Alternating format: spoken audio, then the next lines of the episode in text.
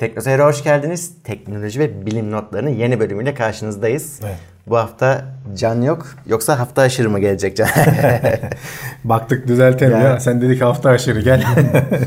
o şehir dışındaydı yetişemedi. evet bu hafta Haftaya gelir. işi vardı o yüzden gelemedi. İnşallah haftaya aramızda olacak gene.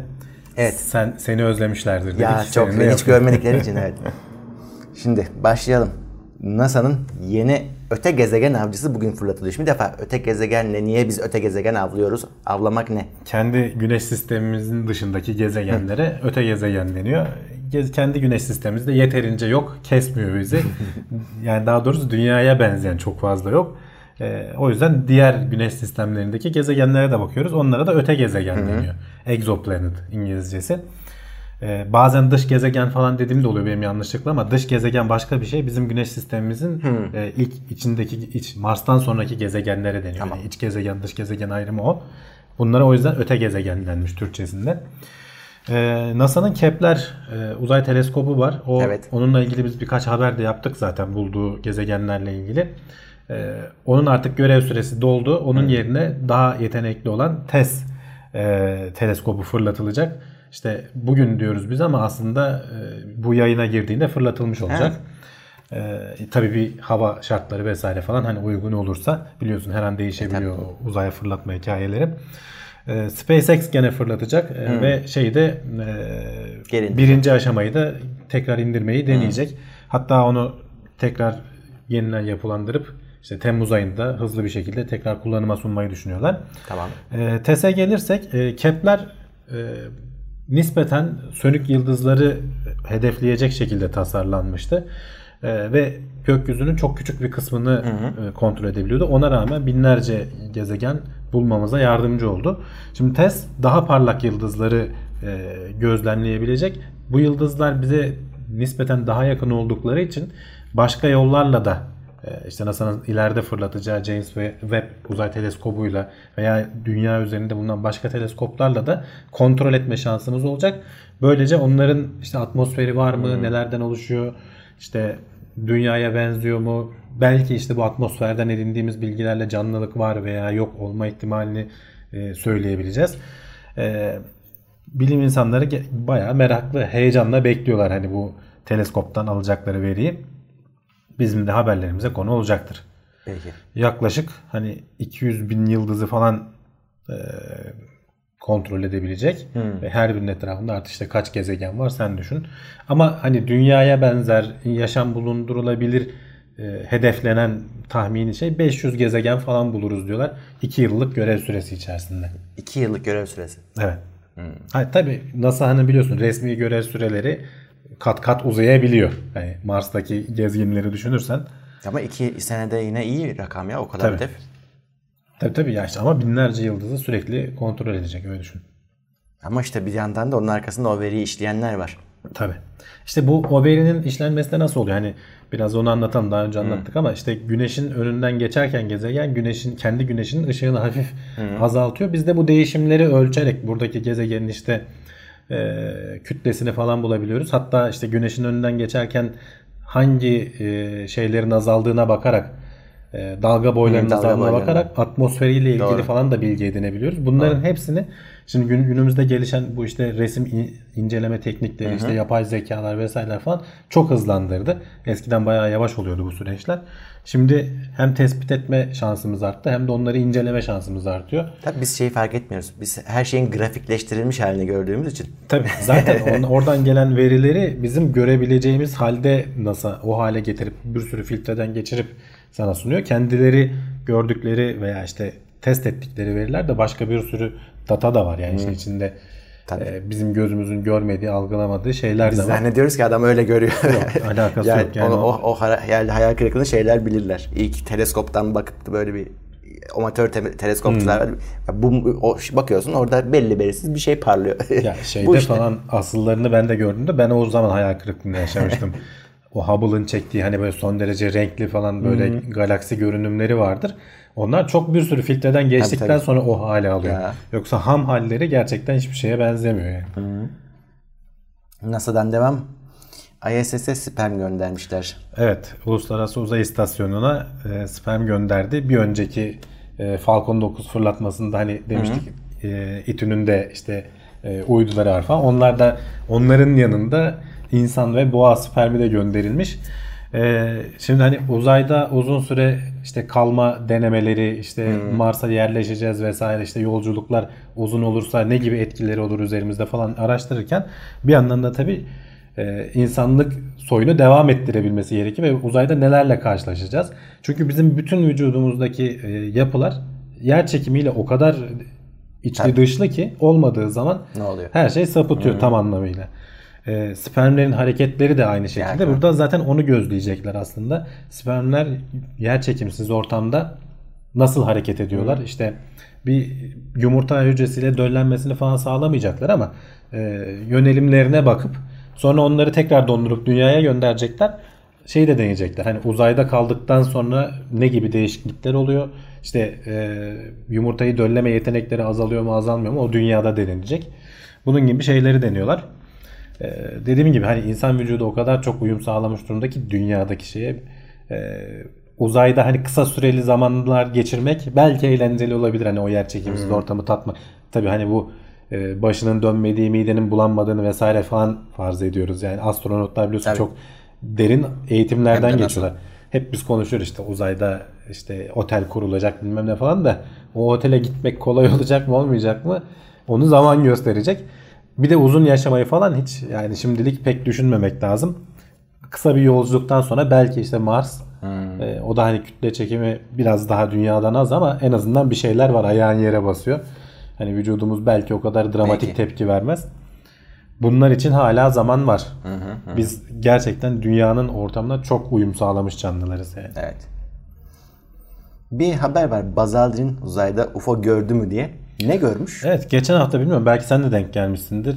İşte Buzz Aldrin'in yalan makinesinden geçti, yalan söylemediği tespit edildi gibi saçma sapan bir haber e, yayınlandı. E, bunun üzerine açıklamalar falan yapıldı. Hani ben de buraya alayım dedim. Çünkü gerçekten saçma sapan bir e, ses laboratuvarı Buzz Aldrin'in bir konuşmasından o da hangi konuşması olduğunu da söylemiyor. Biz alıp bunu test ettik. E, yeni bir teknolojimiz var. Bu teknolojiyle test ettik. Yalan söylemediğini gördük gibi bir açıklama yaptı. E, işte Ay'a giderken astronotların UFO gördüğünü falan söyleyen o UFO çevreleri zaten bunun üzerine atladılar. Hani uzun zamandır konuşuluyor. Ki Buzz Aldrin 2014'te bir Reddit'teki bu bana istediğini sor e, toplantıları oluyor biliyorsun Evet, onların. evet. Orada bu soruya cevaplamış aslında. Hani UFO gördüğünü söylenmiş. Ne oldu o olayın aslında diye. Apollo 11 görevi esnasında camdan tanımlayamadığı bir şey görüyor. Bir ışık görüyor. E, L şeklinde diye söylüyor. Ama hani ben şeyden eminim diyor. O ışık birkaç tane uzay e, şeyi aracı birlikte gidiyoruz zaten diyor. Hani o e, inecek modül ayrılıyor. işte ba- dünyadan çıkaran modül ayrı o ayrılıyor falan. Bazıları senin etrafında kalabiliyor o parçalardan. E, benim gördüğüm hani ışık yansımasının e, o güneş panellerinden bize yansıtılmış bir şey olduğunu ben tahmin ediyordum ama tam olarak emin olmadığım için hani bunun diyor teknik terimi unidentified. Hani tanımlanamayan bir nesne gördüm diye söylüyorsun. Evet yalan söylemiş olmuyorsun. Kısaltılmış ismi de UFO. E, bazen işte Amerikan Hava Kuvvetleri pilotları da işte UFO gördük falan derler. İnsanlar böyle ne oluyoruz falan diye heyecanlanırlar. UFO dediğin o uçan daire değil. Adam Evet. tanımlanamayan bir nesne Aynen öyle. gördüm diyor aslında. Burada da aslında yaşanan aynı şey. Dünyaya döndükten sonra e, bu astronotlarla falan tabii mülakatlar yapılıyor vesaire. Hani NASA'nın o şeyleri, prosedürleri gereği. Orada da söyleniyor vesaire bunlar. Hani şey değil. E, vatandaşı heyecanlandıracak anlamda öyle bir UFO Evet. e, durumu yok. Tanımlayamadığı Bu- bu- bir obje görmüş. Evet ve bu kaç kere de söylenmiş ama işte inanmak isteyen bunu şey yapmak istemeyen, ciddiye almak istemeyen kafasına taktığı zaman ona inanmaya devam ediyor. Bir de işte bundan para kazanmak veya Ya, işte adını duyurmak isteyen böyle kendini zeki sanan firmalar vesaireler çıktığı zaman işin içinden çıkılmaz hale gelebiliyor. Doğru. Hele bu devirde.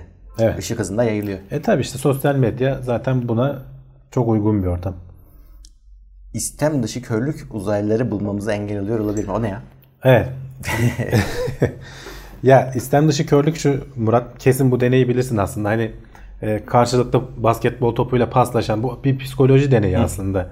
E, pas yapan bir grup var ve sana diyor ki kaç pas yaptıklarını say diyorlar.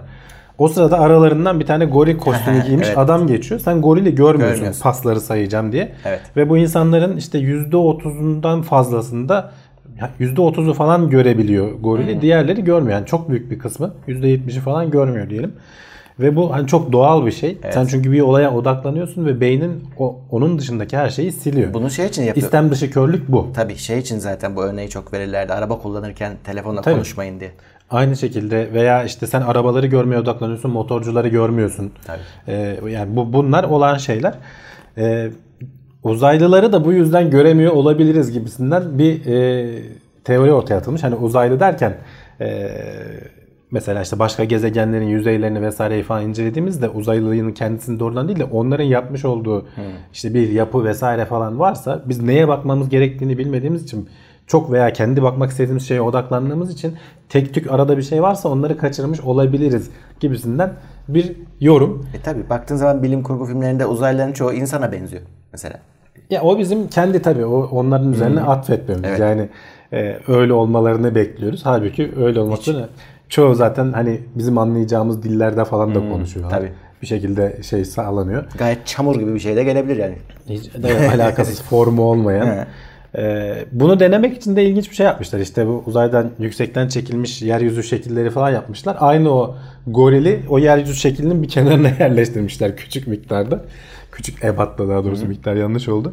İnsanların hakikaten gene büyük bir kısmı gorili görmemiş. Yüzey şekillerini algılayıp işte e, yaratıkların yarattığı bir şey bulacağım derken Doğrudur ama artık şimdi o taramalar biraz da yapay zeka falan da işin içine giriyor.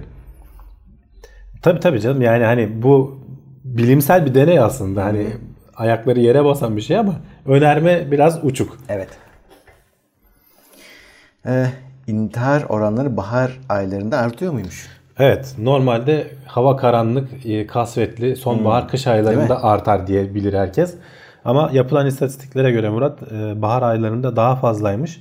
Bunu araştırmışlar neden olabilir diye. Ne çıkmış? Büyük ihtimalle polenler diyorlar. Nasıl yani? Ya evet yani gerçekten ilginç.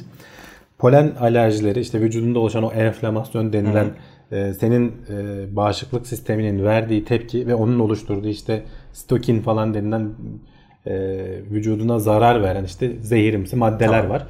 Bu maddeler e, psikolojini de etkiliyor. Ve dolayısıyla e, senin intihara meyilliysen intihar etme ihtimalini arttırıyor. Gerçekten de istatistikler e, %30'lara mı %13'lere mi şimdi tam rakam hatırlayamayacağım. E, yazıdan bakabilirler. Varan miktarlarda bu oranın arttırıldığı arttığını söylüyorlar. Benim yani burada iki tane ilgimi çeken şey oldu işte. Bir evet %13.2 daha fazla artıyormuş mesela. E, kış aylarına göre baharda. İşte e, o şeyi düşün işte polen alerjisi gerçekten rahatsız edici Bende vardı küçükken. üst solunum yollarının falan tıkandığı senin sinirini bozan bir şeydir. E, Demek ki tetikliyor bir şeyler. Aynı zamanda dediğim gibi o psikolojik anlamda e, beynin o Kimyasını mı bozuyormuş? kimyasını bozuyor. Tam anlamıyla o. E, kendi vücudunun kendi savunma mekanizmaları. Olabilir. E, tabii ki onlar hala şey diyorlar. Yani bu araştırmanın devam etmesi, ayrıntılandırılması gerekiyor ama polenler ciddi anlamda olabilir. Ama benim dediğim gibi ben hep böyle karamsal hava- havalar, kış ayları falan diye düşünürdüm. Bahar aylarında daha fazlaymış. İlginç. Burun tıkanıklığının nedeni ve döngüsü. Evet. E, polenlerden başladık. Bu da onunla aslında biraz bağlantılı. Ama hastalıkla da bağlantılı. Hani hastalandığımız zaman işte üst solunum yolları özellikle şey olduğu zaman e, bir enfeksiyona uğradığı zaman burnumuz tıkanır. Akıntı olur. Akıntı olur veya bazen İltihap. tamamen kilitlenirse hani böyle çektiğin zaman hiç hava gelmez burnundan. Doğru. Ama bir şey olur bazen bir tane bir deliğin açılır. Burun deliği açılır değil Doğru. mi? Bunun sebebi var. Bunu sen daha çok hissediyorsun. Normalde de günlük hayatta bizim iki burun deliğimiz aynı anda aynı miktarda açık olmuyormuş Murat. Bir tanesi daha kapalı oluyormuş. Ee, bunun sebebi de şey diyorlar bilim insanları. e, kokuları alabilmek için bazı kokular hızlı hava geçişlerinde daha iyi alınabilirken bazıları hava yavaş geçerken daha iyi alınabiliyor. Artı vücut hani sonuçta sürekli hava aldığın zaman o burnun içindeki yapının koruması falan e, söz konusu olabilir. Değiştiriyor. 3-6 saat arasında döngülerle kendi kendini değiştiriyor. Bir o taraf iyi çok açılıyor, bir bu taraf çok açılıyor. Aynı işte gene işte şey gibi hastalanma gibi oradaki damarlara fazla kan gidiyor. E, oradaki doku genişliyor ve burun deliğin daralmış Bir de oluyor yanlış aslında. hatırlamıyorsam şeydi yattığın yerin tersi açılıyordu. Öyle bir şey vardı. Öyle olabilir ama hani burada öyle bir şey bahsedilmemiş. Ee, dediğim gibi hani sırası hangisi geldiyse ve bu otomatik oluyor tabii senin otonom sinir sistemin bunu kontrol ediyor. Ee, bu döngüyü sen tamamlıyorsun. Hasta olduğunda daha fazla dikkatini çekiyor. Çünkü normalde kendi tıkanıklığından daha fazla tıkanmış oluyorsun. Burun döngüsü diye bir şey varmış yani böyle. İlginç bir durum. Aşırı acı biber beynini büzüştürdü. Tam bir... Tam bir tık çalma haberi değil mi? evet. Başlık başlığı ben uydurdum ama gerçekten de beyni büzüşmüş adamın. Ee, Scoville e, ölçeği diye bir şey var. Ee, acılık e, Ha, değerini ölçen bir şey. YouTuber'lar iyi bilir. Evet yani onların zaten denedikleri Carolina Reaper diye veya işte Reaper hani Azrail anlamında Carolina Azrail'i diye de çevirebiliriz. Ee, bir biber var. Ee, bildiğim böyle kırmızımsı tatlı bir şey. Görünümlü. Ama yediğin zaman beynini büzüştürüyor. Adamın biri bunu denemeye kalkmış 34 yaşında. Bu hani e, tıp makalesi olmuş. Hani bilimsel makale olmuş. Öyle şey gazete haberi değil. Sonrasında takip eden günlerde e, çok şiddetli baş ağrısı bir an geliyor.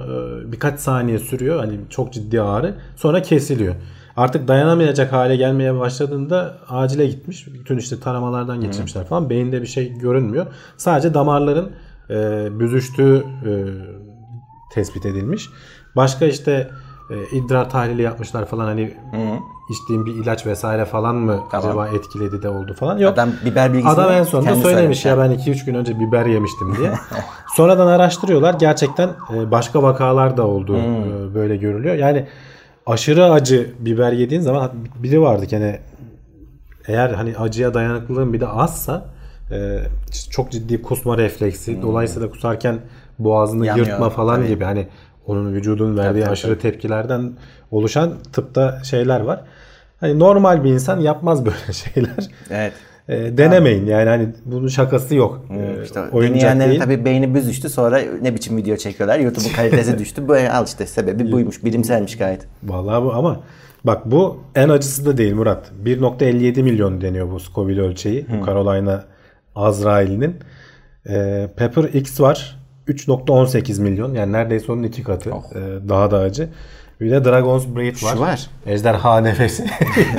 Bırak bunları yemeye tutamıyorsun. Elini yakıyor. ya tabii canım yani normalde de hani acı biberi şöyle deriye falan zaman. Çünkü orada da var aslında onun reseptörleri.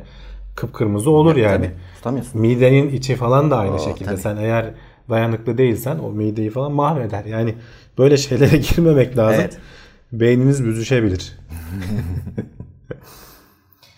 Ee, blok zincirinin bilimsel alanda kullanım senaryosu. Evet. Neymiş? Ee, çok konuşuluyor biliyorsun hani Bitcoin'di, blok zinciriydi. Biz blok Ya- zincirinin ne olduğunu anlatan e, Evet. bir bölüm de çekmiştik. Şey yani artık neredeyse hurafe seviyesine çıktı. Yani o kadar muhteşem bir şey ki dünyayı kurtarıyor falan. O, Tabii tabii oradayız yok yani. şimdi zaten bir de iş- işin ucunda böyle parayla bağlantılanabildiği bağlanabilen bir teknoloji olduğu için işte Bitcoin'in de cazibesi falan işte öyle sıfırdan para kazanacağız, uçacağız falan. Bir sürü para çıktı. Şimdi o paralar ufak ufak temizleniyor. Bu şey gibi hep ben onu söylüyorum. 2000'lerin başındaki dotcom balonu gibi. Bu e, blockchain veya işte Bitcoin işte kripto para balonu da şişti. Şimdi inme döneminde. Bu bir yerden sonra dengeye ulaşacak. Ama blok e, chain veya işte blok zinciri teknolojisi e, pek çok alanda işe yarayabilecek bir şey. Bunlardan biri de bilimsel araştırmalarda e, kullanabiliriz diye ortaya atılmış bir teori. Şöyle Şimdi bilimsel araştırmalarda biliyorsun bazen hile hurda yapma ihtimalleri söz konusu olabiliyor. Bilim insanları da insan. Ee, bazen kendi kariyerlerini işte öne çıkarmak için istatistiklerle oynayabiliyorlar.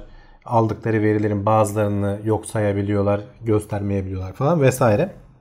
Tabi bunlara bir de fon sağlayan kurumlar var.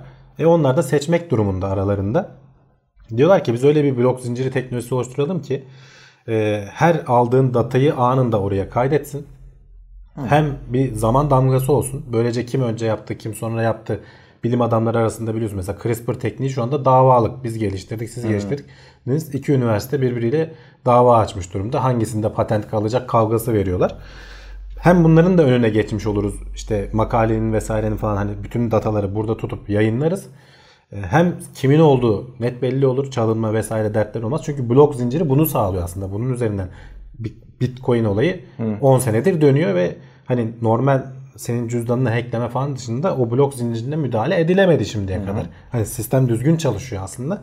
Sen bunu bilimsel altyapıyla bu şekilde kurup bilim insanlarını da bunu kullanmaya ikna edersen tabii ki kimse bunu kullanmayı hani sıfırdan hemen başlamayacaktır ama bu fonu veren taraf ben bu blok zincirinde görmek istiyorum sonuçları derse e, ve işte yayınlar vesaire falan da en sonunda burada çıkar hale gelirse veya işte akademik yayınlar buradaki e, verileri daha ciddiye alırsa, daha kredibilitesi yüksek görürse bu sistem çalışabilir diye böyle bir şey önermişler. Ben de hani hep konuşuyoruz işte nerede kullanılabilir, ne gibi yerler olabilir. İşte bu, Ya, bu da onlar evet. senaryolardan biri. Hocam senaryo üretmeye üretiyoruz biz de üretmiştik. Ama artık görelim şunu hani bir görelim bir çalışsın şu. Başka Bitcoin'in dışında da bir kullanılsın artık. Çünkü çok konuşuldu çok konuşuldu harika bir şey falan diye. Ya görelim tam senaryo Yani çok. ne, ne hani şöyle kabaca genellemek gerekirse nerelerde kullanılabilir? Bir bir kere dağıtık yapı olmak zorunda.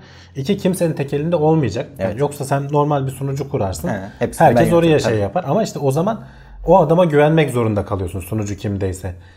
Güvenmeme durumlarını sağlayabilmek için işte bu blok zincirini her yere dağıtılmış bir şekilde kendi kendine güvenliğini sağlayan bir sistem aslında. Buna uygun senaryolarda çalışır. Bunun dışındaki şeylerde zorlama olur. Hani her şeyi blok zincirine yapmaya çalışalım diyenler de var. Sırf ismi güzel olduğu için, bu aralar popüler olduğu için.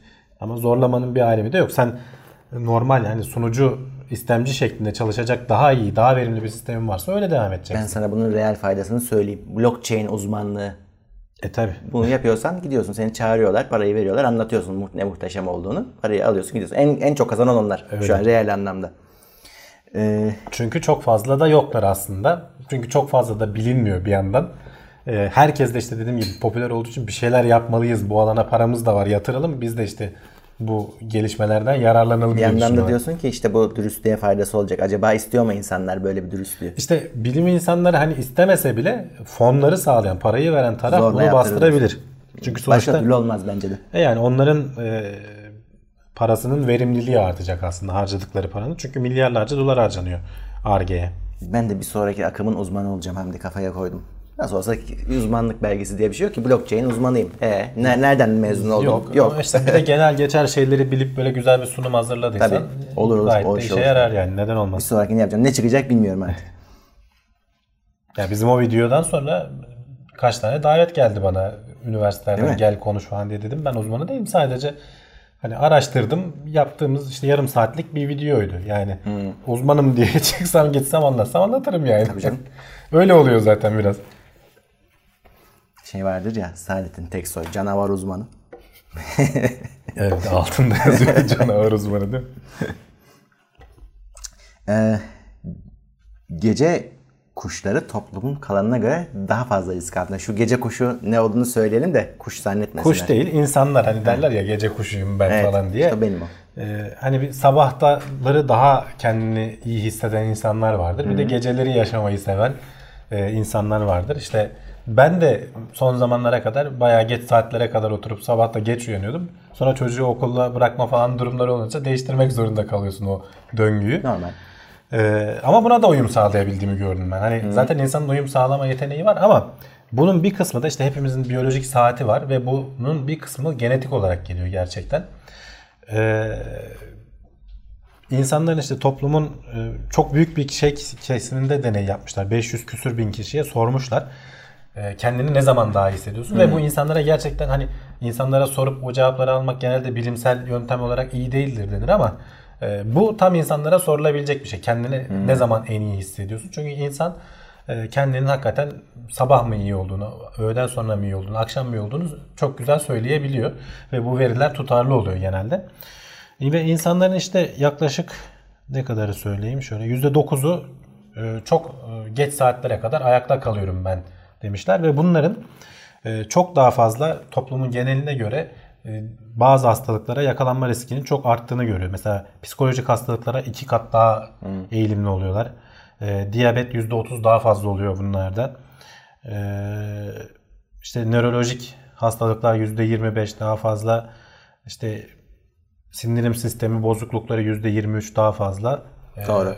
Solunum bozuklukları %22 daha fazla. Hep böyle %20'ler 25'ler bazılarında iki katı durumlar söz konusu. Hani toplumun genelinden daha hasta yaşıyorlar. Sebebi ne olabilir diye şey yapıyorlar ki yani herkesin aklına geliyor. Senin de aklına gelmiştir. Zorla adamı erken kaldırırsan. Evet yani bizim sosyal düzenimiz e, gündüzler işte sabah erken uyanıp akşam e, belli bir saatte uyumaya yönelik seni zorluyor. Çünkü hani iş yaşamı falan bu şekilde işte okullar vesaireler falan. Sen bütün hayatını eğer ona uygun olmadığın halde öyle yaşamaya çalışırsan işin oysa işte hep söylüyoruz ya uyku çok önemli uykunuzu alın. Ama işte saat. En az 8 saat uyuyun vesaire hani uzmanlar söylüyor. İşte onun ne zaman uyuyacağın da önemli. Senin vücudun onu o şekilde istemiyorsa e, bunun sana yan etkileri olabilir. Tabii bunun hani daha fazla araştırılması gerekiyor. Kesin hani bir bilimsel kanıt olarak sunulmadan önce. Sonrasında belki insanlar e, daha esnek hani ilerleyen mm, 10 yıllarda diyelim hemen olacak bir şey değil. Uzaktan çalışma tekniklerinin falan gelişmesiyle belki daha esnek çalışma saatleri falan söz konusu olabilecek. Ya insanın standart bir şey olmadığının kabul edilmesi gerekiyor her anlamda. Yani şeyde de öyle. Sen baktığın zaman okulda her çocuğa aynı eğitim veriyorsun. Halbuki Tabii, tabii. hepsinin öğrenme kapasitesi farklı. Öğrenme şekli farklı. Öğrenme hızı Senin- farklı. Her şey farklı. Senin bir tane müfredatın var. Evet, Ve ya- bir tane öğretmenin Ama var. işte bunu mesela ciddiye alıp dikkate alıp e, ona göre eğitim veren sistemler var mesela dünya üzerinde. Var canım. E, Batı toplumlarında öyle değil dediğin gibi hani müfredata uygun takip ederek gidiyor. Onlar da değişmeye çalışıyorlar şimdi ama Doğu toplumlarında biraz daha herkesin hızına göre hareket edildiği söyleniyor. Yani konsepti öğrenmeni bekliyor senin. Şey işte o meşhur Finlandiya örneğinde şey e, çocuğu okulda az tutmak buldukları çözüm. Çünkü serbest bırak ki o zaten ilgi alanına göre gelişecek diyor adam. Kontrol altında olsun Biraz yeter. da tabii hani o eğitim sistemine kaydık ama biraz da eğitim sisteminde şeyle de alakalı o. Ee, şu an hani içinde bulunduğumuz eğitim sistemi bu endüstri çağının getirdiği Evet. bir şey. Hani fabrikada işte sabah 9 Aynen öyle. akşam 5 çalışacak adamın eğitilmesine yönelik ama işte o çağ geçti artık. Daha çok yaratıcılığın öne çıktığı, bilginin öne çıktığı başka bir yere doğru geldik. O zamanki eğitim sistemi yeni sistemde artık işe yaramamaya başlıyor. Bunun değişmesi lazım. Tabii. İşte onlar da pardon bayağı tartışılıyor şu anda. Valla Aynı şekilde sosyal yaşam hani insanın artık hani uykusu vesairesi falan onun da artık tartışılmaya başlayacağını göreceğiz herhalde. Tabii ki. Benim mesela şeyi anlayabilirler çok rahatlıkla. Ben bir incelemede notlara çok bakıyorsam onu gündüz hazırlamışımdır. Eğer hiç bakmadan anlatıyorsam şeydir, gece hazırlamışımdır. Çok barizdir. Yani ben gece hazırlanabiliyorum çünkü. Şeyi de gecenin başka avantajları var. Fizyolojiden farklı olarak her şey susuyor. Evet. Sakinlik geliyor bir defa. Bildirimler, cartlar, cürtler, kapı, Mesajlar falan gelmemiş cepleri. oluyor. Evet, işte yani her şey açık olsa bile hiçbir şey gelmiyor. Doğru, O sakinlik ve odaklama yani gecenin o 3 saatinde yaptığın işi gündüz daha fazla saatte yapamıyorsun bazen. Çünkü zaten hani o odaklanmanın bir zamanı var biliyorsun. Sen bir konuya odaklanıyorsun o sırada bildirim geliyor. O mesaja bakıyorsun veya kapı çalıyor veya bir telefon geliyor hemen. İşte e-postaya cevap veriyorsun. Tekrar odaklanayım derken işte biraz bir şey yapıyorsun tekrar bir şey. O arada hep zaman kaybı. Yaptığından adam anlaşılmıyor. Doğru düzgün ne yaptığını da anlamıyorsun. Dediğin gibi geceleyin ama işte herkes için de geçerli değil o. Tabii herkes için geçerli Kendini değil. bileceksin yani nasıl şey. Hiç uyum sağlayamamak diye bir şey de yok. Onu da dedim. Yoksa öyle olsa jet lag denilen şeye hiç uyum sağlayamazdık. Yani E, dünyanın öteki tarafına gittiğin zaman ışık dengesine göre vücudun sonuçta kendini e, o zamana uyduruyor. Buna da bir isim takmışlar. Neymiş? Sosyal jet lag demişler. Yani bu da oluyor insanlarda. Bunun bir ver- versiyon daha var. Şeyi araştırıyorlar işte. Tek başına mı iyi çalışıyor? İşte grup halinde mi? Şimdi iş yerlerinde hep böyle küpler halinde çalışıyorsun ya. Adam öyle çalışamıyormuş mesela. Doğru. Yani onun tek bir odada çalışması lazım verimli olmak için ama sen ona zorluyorsun. İşte bunlar bilim ortaya çıkarıyor. Sen çünkü olmasa herkesi dümdüz kabul edip iş yapmaya çalışıyorsun. E o zaman işte birisi verimli oluyor, birisi verimli olmuyor. Doğru. Elindeki kaynağı akıllıca kullanamamış oluyorsun. Belki de yarın öbür gün bunların tespit eden sistemleri çıkacak. Diyeceksin ki ben böyle çalışan adam istiyorum. Bu da bir kriter olacak. İşte yapay zekanın falan gelişmesi aslında o kadar topluca veriyi vereceksin. Heh. O adamın geçmiş işleriyle ilgili. O saat diyecek ki bu adamı şu saatler arasında çalıştır. Belki, belki. En iyi verimi o zaman alırsın. Tabii ölçülebilir çünkü. Ee, insan vücudunda ne kadar bakteri var? Çok var. Ne kadar? Bunun Yani- bir oranı söylenir genelde. Çok fazla. Kaç milyon? Milyar. Şimdi trilyonlarca ba- bizim hücremiz var. Trilyonlarca da Sayamazsın. bakteri var. Ee, normalde 10 katı bakteri olduğu söylenen ben sağda solda çok duydum. Ee, bizim işte bir hücremiz varsa 10 katı bakteri var vücudumuzda diye. He. Ama bu doğru değilmiş. Bunu birileri araştırmışlar, uğraşmışlar. Bunun Ne nereden çıktı? çıktığına da e, değineceğiz sonra.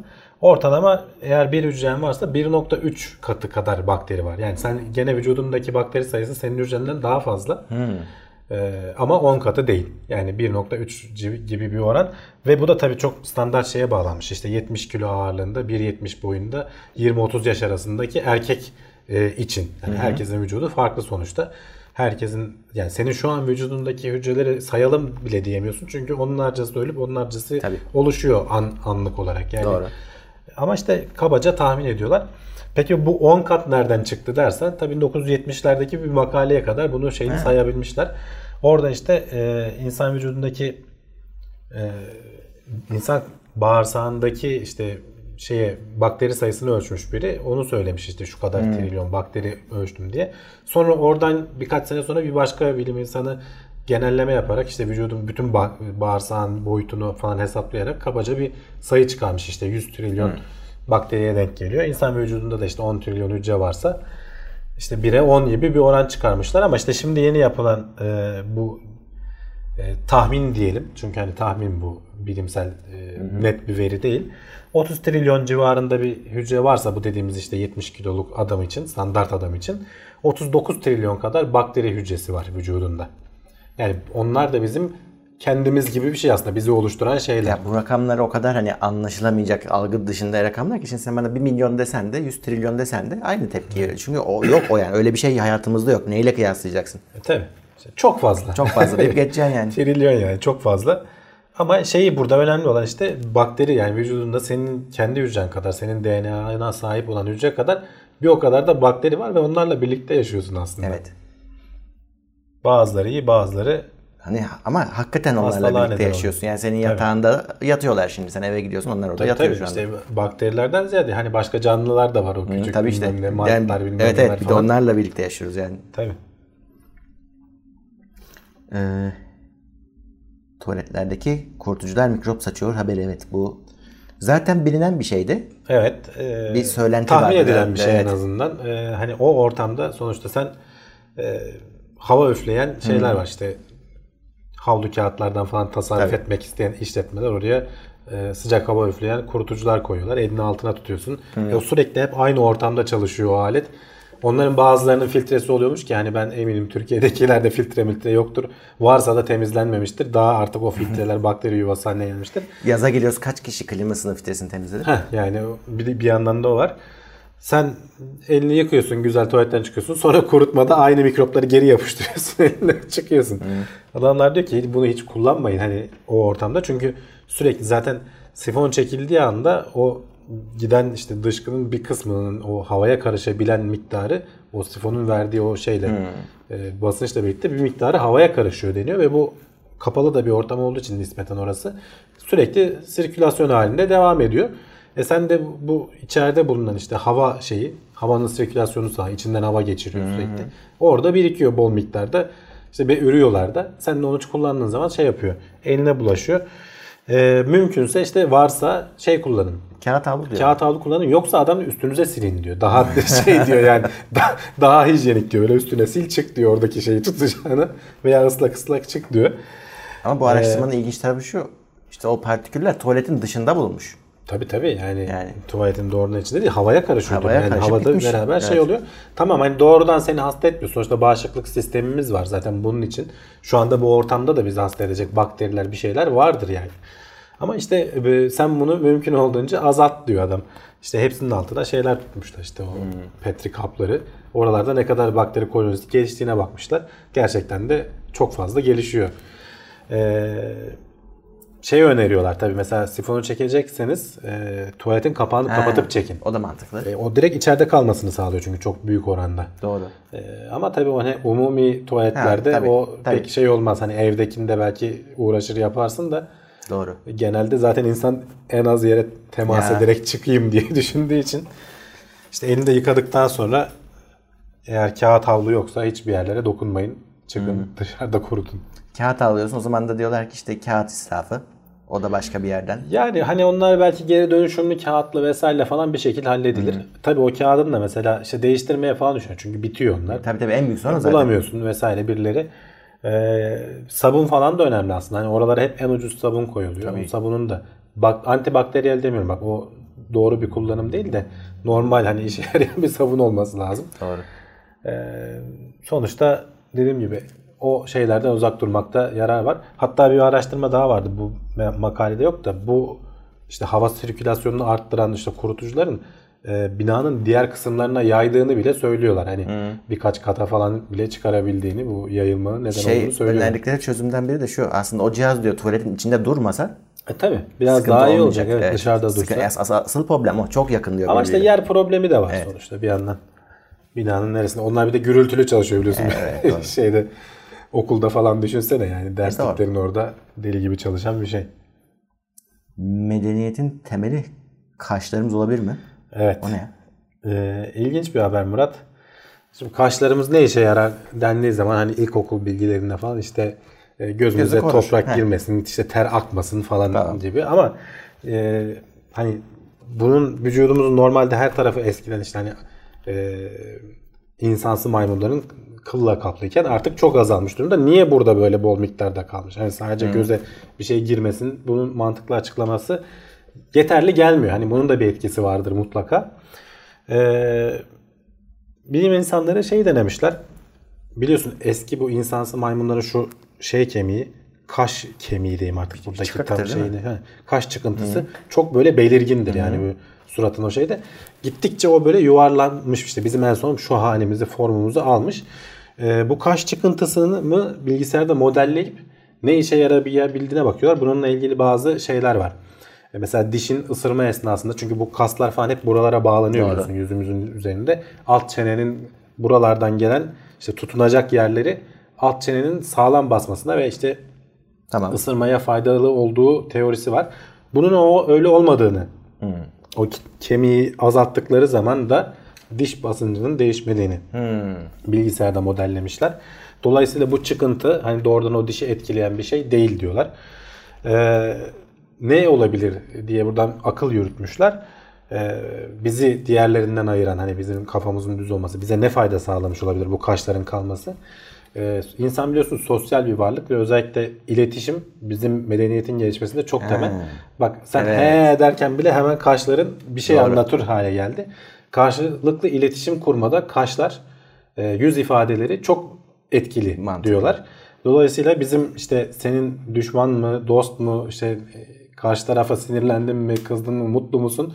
Bu ifadeleri aktarmada konuşmadan bile çok etkili bir yöntem. Evet. Dolayısıyla bunlar hani doğal seçilimde bunlar seçilerek, kaşlar hmm. seçilerek kalmış. Hala da kullanıyoruz yani. Doğru e, iletişim aracı. Tabii işte diğerlerinde kaş çıkıntısı çok yüksek olduğu zaman kaşlar bizimki kadar hareket edemiyor. E, dolayısıyla yüz ifadelerine işte aynı botokslular gibi oluyorlarmış. Anladım. E, botoks yaptırdığın zaman da oradaki sinirleri felç ediyorsun biliyorsun. Doğru. Kaşlar falan oynamaz oluyor. Ve bir garip geliyor bizde o insanların yüz ifadeleri. E, kırışıklıkların gidiyor ama suratın bir, bir garip oluyor yani rahatsız edici oluyor. İşte bu kaş çıkıntısının gitgide azalması ama kaşların ona rağmen kalması iletişim aracı e, olmasından. Medeniyetin temelinde hani işte bizim işte diyorum ya medeniyet sonuçta daha büyük gruplar halinde ortak çalışabilir olmamızın sağladığı bir şey. Bu da onun en temel yardımcılarından biri olduğu söyleniyor. Mantıklı. Son habermiş bu Hamdi. Bir şey ekliyor musun? Evet. Yok bitirdik bu hafta. Biraz daha az haberimiz vardı. Evet. Artık önümüzdeki hafta Can gelirse onunla yoksa yine benle beraber evet. olursunuz. Bir sonraki bölümde görüşmek üzere.